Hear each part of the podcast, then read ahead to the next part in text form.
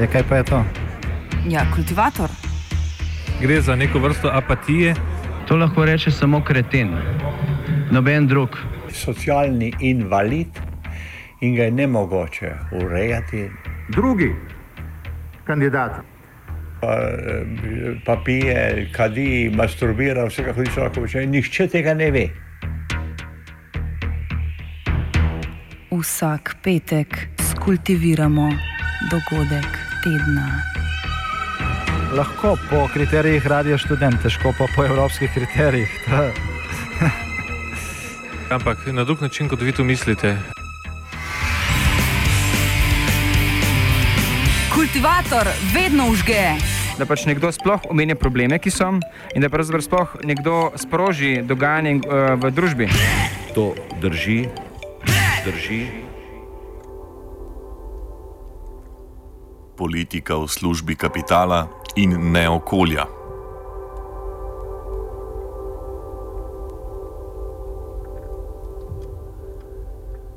Evropska unija je pohitela in pred svetovnim podnebnim vrhom konec prihodnjega leta kot prva sila sprejela lastne cilje za zmanjšanje toplogrednih izpustov do leta 2030. Cilji se bodo konkretizirali v akcijskih planih po pariškem vrhu, ne glede na zaveze, ki jih bodo sprejele države na mednarodnem parketu, pa se ukrepi Evropske unije ne bodo znižali, obljublja odhajajoči predsednik Evropskega sveta Herman Van Rompuy in dodaja, da je bil dogovor članic EU dosežen na podlagi treh načel: pravičnosti, solidarnosti in stroškovni učinkovitosti. Da si ravno gre beležiti tudi načeli nestrokovnosti in korporativnega lobiranja.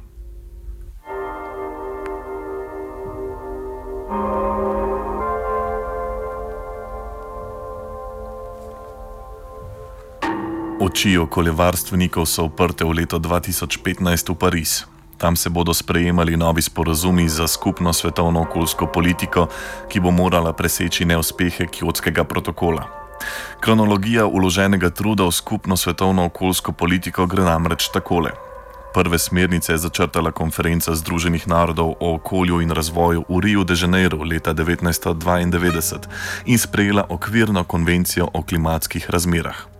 Čez tri leta so se deležniki konvencije pogovarjali o specifičnih ukrepih, kako zaeziti podnebne spremembe in zmanjšati emisije toplogrednih plinov. Še dve leti je moralo preteči, da je bil podpisan Kjotski protokol, ki je predvideval, da se do leta 2012 zmanjša obseg emisij toplogrednih plinov za 5 odstotkov glede na leto 1990. A protokola niso ratificirale tri industrijske vele sile: Združene države Amerike, Kitajska in Indija. Zamudo sta ga leta 2002 podpisali še Rusija in Kanada, tako da je prišel leta 2005 protokol v veljavo in so ga podpisnice začele izvajati. Prva in edina je od podpisa protokola odstopila Kanada leta 2011, decembra 2012 pa se je protokol iztekel. S prejemanjem novih skupnih ciljev smo zemljani tako že dve leti v zaostanku.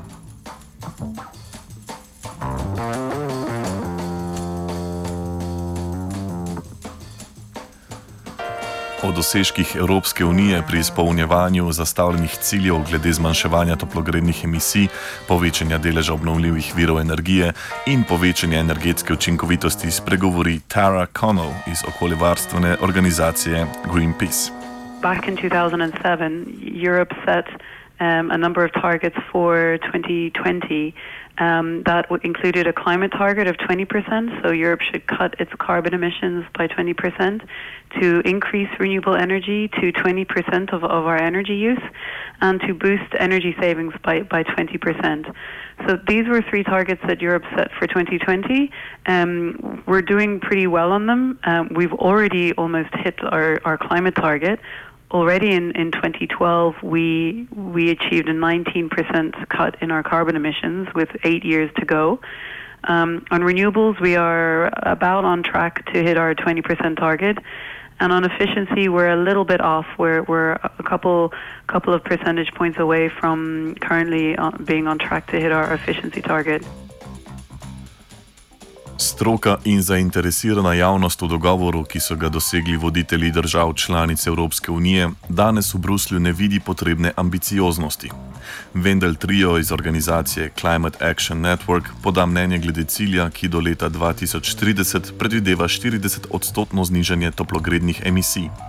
the EU can do much more. I mean, there's plenty of studies that have shown that it is actually possible for the EU to reduce its greenhouse gas emissions by 2030 by way more than 40%. Um, amongst others, by uh, much more strongly investing in renewable energy and energy efficiency. Next to that, it's also been clear through many studies that it actually has that the EU would have a lot of benefits, and that EU businesses would um, have benefits of having a much more ambitious approach. So, in that sense, um, we, we believe that more is possible. And thirdly, it is also clear that in terms of the international negotiations, if we really want to, to make a breakthrough agreement in Paris, then other countries are looking at the EU to take a leadership role. And, and therefore, more than 40% would also be very much welcome. Evropska komisija je članicam v sprejetje predlagala cilj povečanja energetske učinkovitosti za 30 odstotkov, a se je ta na zahtevo Velike Britanije znižal na 27 odstotkov. Komentira Vendel. Plenty of companies have actually written letters to heads of state in which they said that um, they believe that much more is possible, and in particular, the European Commission has proposed it, this 30% target, um, also indicating how um, improving energy efficiency would really have benefits also for the energy um, independence of Europe because the more we reduce energy, the less we will need to import it from countries like Russia, but also from the Middle East, etc., etc. So also there, there's plenty of benefits actually of a higher uh, higher ambition. Furthermore, as you know, energy savings is cost effective because uh, the more you save energy, the less you have to spend money. So uh, measures to, to reduce energy savings usually have a relatively short-term um, profit. Nizek je tudi cilj povečanja deleža obnovljivih virov energije, prav tako na 27 odstotkov. Cilj je celo nižji od trenutnega trenda. Pascal Sabido iz Corporate Europe Observatory pa meni, da bi lahko imel kot tak negativne posledice na razvoj industrije, ki spodrinja starejše tehnologije. The renewables industry is not just about uh, producing the parts. There's all sorts of jobs within the supply chain. Um, this includes the installation, this includes the maintenance, and it won't just be the renewables, it'll be the entire moving towards low carbon future, such as energy efficiency and these sorts of jobs. So I think what we're seeing, you know, if we what we're hearing from the European Commission and, for example, our industrial leaders, um, is they want to see a new industry in Europe the only industry that's going to be sustainable is green industry. Uh, and you know, we've got a huge network across Europe that is currently involved in industry. This needs to be transformed into green industry because ultimately, as climate change worsens and as politicians wake up and realize that there's no other option but to tackle it, old industries are going to die. Uh, and that's a reality. And the question is, how do we move the workers, the expertise and skills we have, and how do we make sure we make the transition uh, in a just and fair way from our old industries to new industries. And without giving those signals now, unfortunately, those jobs which were going to be created um, are not going to be because the investment won't be there, and unfortunately, the stability won't be there, uh, and clearly the opportunity won't be there. So I'm, I mean, I, I'm not a renewables investment expert, but I'm sure for most people sitting there thinking about investing in renewables, this is a clear signal that it's not worth it. Vendel je nekoliko manj črnogled. Well, the 20%, 27% renewable energy target is probably not really a target because with the current development of renewable energies in Europe, um, we're very likely going to go beyond 27% anyway. So setting a target of uh, of 20% by 2030 um, is is having very little impact on on the real world, where companies are investing in in renewable energy, especially the more renewable energy will become actually cheaper to invest in than than most of the conventional um, energy types.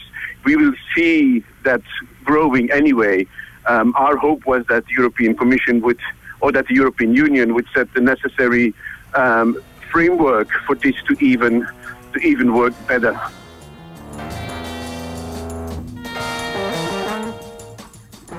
Da si ravno gre za skupne cilje, si je vsaka država prizadevala za to ali ono izjemo oziroma vsaj neformalno zagotovilo, da bodo določeni sektori izuzeti iz doseganja zastavljenih ciljev. Slovenija zaradi visokega deleža izpustov iz tranzitnega prometa, Irci zaradi metana, ki ga na otoku izpušča njihov agroživilski sektor, še posebej krave. Nadaljuje Connell. Ireland has gotten some concessions on agriculture that it's considered a special case, and the fact that they have so many cows in Ireland um, mean that they they um, this has to be taken into account when when looking at their 2030 target. We've also seen um, concessions uh, to to Poland to the the coal industry. There seems to be um, the, the the possibility for them to maybe be able to use some of the funds that they will get under solidarity mechanisms, so payments to help lower income EU countries like Poland, um, that they could use the, the, these funds to support coal plants. Um, this has happened in the past, and, and we're going to have to see if, if we can make sure that this doesn't happen again. But those are just two examples of, of, of a lot of what different member states have been pushing for. Um, Spain and Portugal really, really wanted a mention of an interconnection target. This is a target to um, increase interconnections between Europe's electricity markets. Uh, Spain and, and, Portugal are quite isolated a little bit. They, they don't have a lot of interconnection to France. For them, this was really important that this, this, this target was, was agreed last night, and, and it was. There was some sort of target agreed, not necessarily binding, but there was a target of 15% agreed for more of these um, electricity interconnections between power markets. Za nizke cilje mora biti nekdo kriv. Poleg politikov so to seveda njihovi kolegi v korporativnih vodah. Komentira Pascal Sabido iz Corporate Europe Observatory. Unfortunately, the, the incredibly low targets are the direct result of industry lobbying. Um, we've seen a concerted effort from across industry, from the most energy intensive industries such as the um, electricity industry, including the cement industry, the steel industry, to make sure targets are held as low as possible because they threaten. Uh, this has been the, the very obvious thing. They've threatened the European Commission, the European Union, that if we have tough targets, competitiveness will be uh, affected and will suffer. Uh, unfortunately, despite the European Commission having its own evidence showing that tougher targets will actually have an economic benefit to the European Union, as well as a health benefit, as well as moving us towards a low carbon future, which we desperately need, um, the European Commission and the governments within the European Council have listened to big industry and have really curtailed the ambition that we desperately need. Na kakšne načine so bila sporočila dostavljena odločevalcem? So this happens in all sorts of ways. I mean, from uh, open events and meetings for example, big industry events inviting commissioners to speak, inviting presidents, prime ministers, um, to behind closed doors meetings in secret, um, to very informal things such as cocktail parties, birthday parties. I mean, we've seen emails which show evidence of Shell officials, some very high people high up in Shell, having conversations with uh, Günther Oettinger, who was at the time the energy commissioner in charge of this uh, 2030 package, uh, discussing how Shell can be part of the solution. And Shell has consistently argued for one single target um, and for low ambition. So, from our perspective, um, there's a hell of a lot that needs to be done in terms of increasing transparency so that we can see how all of these ways of lobbying take part, uh, take place, sorry. Um, and then hopefully we can build enough public pressure to try and curtail them and really try and stop the influence of big business uh, wrecking our climate deals. Stvari vseeno niso tako črnoglede, saj sta svoje emisije zmanjšali in pokazali interes na področju podnebnih sprememb tako Kitajska kot tudi Združene države Amerike. Da pa sprejeti ukrepi Evropske unije niso dosegli pričakovano okoljevarskih organizacij, nadaljuje Tara Connell. Europe has sort of stumbled at the first step um, by, by, by setting such a, a low target, and we, we sincerely hope that it will be, be higher. But um, you know, we, we do see some positive signals coming out of, of, of, of different parts of the world that we wouldn't have seen, you know, five, six years ago. So in, in the U.S., they've recently set limits for how much carbon emissions that, that plants can emit, new plants. Um, and in China, we're seeing new data coming out of China showing that the, the, the amount of coal that China is using is fall. It actually has fallen. Um, so it's not c- keeping going up and up and up. It's actually going in, in the right direction. You know, so these are the sort of dynamics that we need to have a sort of positive um, discussion around the table in the lead up to Paris next year, which we hope will will lead to uh, the, the type of global deal on climate change that we need. V zadnjem času smo bili priča tudi nekaterim korakom nazaj glede varstva okolja, a Konolova ostaja optimistična in gleda naprej v Pariz. We've seen really retro, uh, regressive steps by the, the Australian government in recent months. They've tried to kill a carbon tax. They've um, they're now trying to kill a renewables target in in, in Australia. Um, Canada pulled out of the Kyoto Protocol, which was one of the first global sort of deals on, on climate change. They seem to be going as fast as they can into developing these tar sands, which are these very very polluting types of, of fossil fuels that they that they have a lot of um, up in Canada. Um, so you know you do have some some players that are going in, in, in the wrong direction, absolutely. But you know the, you know we have some much bigger players that are saying positive things. Um, you know USA and China are much bigger emitters, um, and, and you know if we can get some of these countries on board, they may be able to bring around other countries and, and make sure that we do have you know an, an ambitious and positive deal next year in Paris. O smislu dogovorov današnji kultivator zaključi Lučka Bogataj. Smisel globalnih dogovorov ta hip ne, je samo še reševanje situacije po letu 2050. Namreč predvsej je zamujenega, ne, tako da sami ukrepi se nikakor ne bojo poznali v desetih, petnajstih letih. To, kar bi mogoče vladajoče garniture želele pokazati, češ pogledajte, ne, umirili smo podnebne spremembe. Um, to je seveda britka ironija, ker tukaj res ta generacija odloča o še nerojenih otrocih. Uh, ampak ne zmanjšujem tega. Ne. Dejansko, če mi do leta 50 ne nastavimo nekih pravih poti, potem grozijo nepovratne podnebne spremembe, ki jih pač ne bomo doživeli mi, razumete? Ne? Ampak seveda tukaj pa gre za dejansko spremembo celotnih ekosistemov zemljskih in brez pretiravanja, no, za preživetje sploh nekih nadaljnih generacij. Tako da še kako relevantni so te ne, pogajanja. Jaz upam, da bo enkrat človeštvo dokazalo, da vse tisto, kar zapisujemo v knjige, kar zapisujemo v pesmi, v kulturo, ne, kako uh, so pomembni bodoči rodovi, da to enkrat naredimo tudi v praksi. Kultivirala sta Lijo in Jankovič.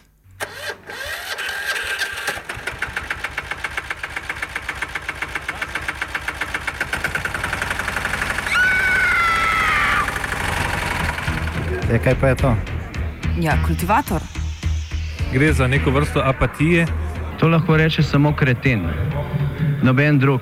Socialni invalid in ga je ne mogoče urejati. Drugi kandidat.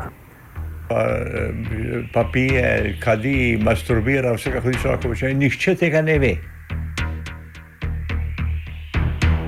Vsak petek skultiviramo dogodek tedna. Lahko po kriterijih radio študent, težko pa po evropskih kriterijih. Ampak na drug način, kot vi to mislite.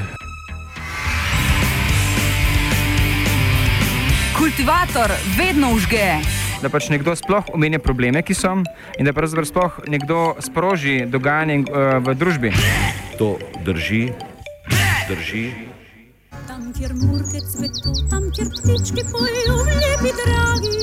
Lepi dragi.